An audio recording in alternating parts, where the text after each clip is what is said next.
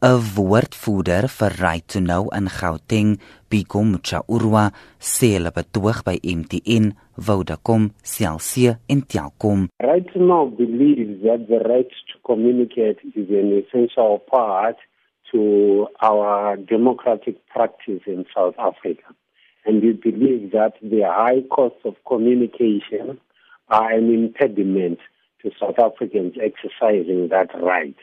We are therefore holding these four simultaneous tickets at the head offices of the four network providers demanding free SMSs, demanding data that does not expire. Hy sê daar is 'n paar eise wat hulle memorandum aan die selfoondiensverskaffers bevat. Demanding an expansion in the number of toll-free numbers not just police and ambulance toll free numbers. We believe that when we call municipal offices, when we call government departments, these calls should be free of charge in order to allow us to exercise our basic democratic rights in our communities.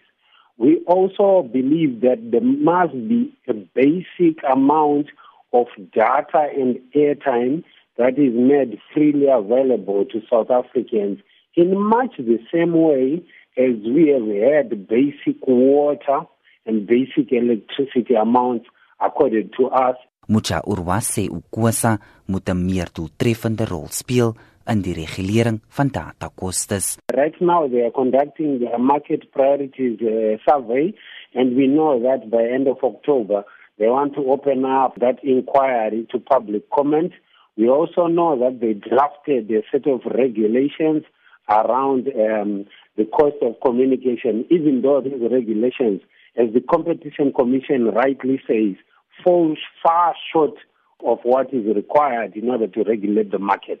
In fact, after we deal with the telecommunication companies today, our next stop is going to be at ICASA. Dit was Bikomucha Urwa, 'n woordvoerder vir Right to Know in Gauteng, Jean Estreisen, SAICanis.